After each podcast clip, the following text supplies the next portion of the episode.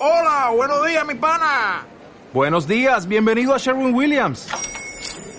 ¡Ey! ¿Qué onda, compadre? ¿Qué onda? Ya tengo lista la pintura que ordenaste en el ProPlus app. Con más de 6.000 representantes en nuestras tiendas listos para atenderte en tu idioma y beneficios para contratistas que encontrarás en aliadopro.com. En Sherwin Williams somos el aliado del PRO.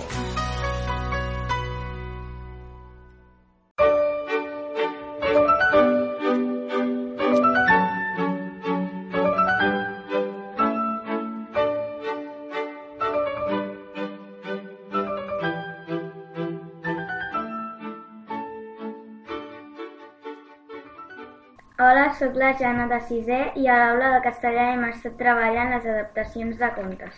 Yo os llegiré Los tres lobitos y el cerdo feroz. Había una vez tres lobitos que vivían con su madre en una casa al lado del bosque. Cuando los lobitos cumplieron 16 años, la madre les dijo que ya eran lo bastante mayores para vivir solos. Y así lo hicieron. Cruzaron todo el bosque hasta llegar a un pequeño campo. Allí empezaron a construir sus casas. El lobito pequeño se construyó la casa con paja, para tenerla hecha muy rápido. El lobito mediano se construyó la casa con madera. Tardó un poco más que el pequeño en construirla, pero enseguida la tuvo lista. El lobito mayor y el más listo se construyó la casa con ladrillos. Tardó semanas, pero al final le quedó perfecta. Esa misma noche apareció el cerdo feroz.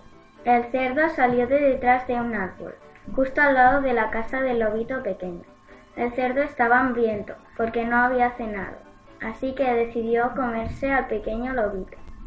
Empezó a dar patadas a la frágil casa de paja, hasta que se derrumbó. El lobito estaba tan asustado que se fue corriendo a la casa de su hermano mediano. La casa del hermano era más resistente, pero no demasiado, así que se derrumbó igual que la de paja. Los dos lobitos fueron corriendo a la casa de su otro hermano. El hermano estaba preparando una sopa caliente en el fuego. El cerdo intentó romper la casa dando patadas, pero fue imposible, hasta que se dio cuenta que solo había una entrada, la chimenea. Trepó por la casa hasta que llegó al tejado. Se tiró todo decidido por la chimenea, pero cayó dentro de la sopa que estaba preparando el lobito y se quemó todo el trasero. Los lobitos lo celebraron comiéndose la sopa y bailando.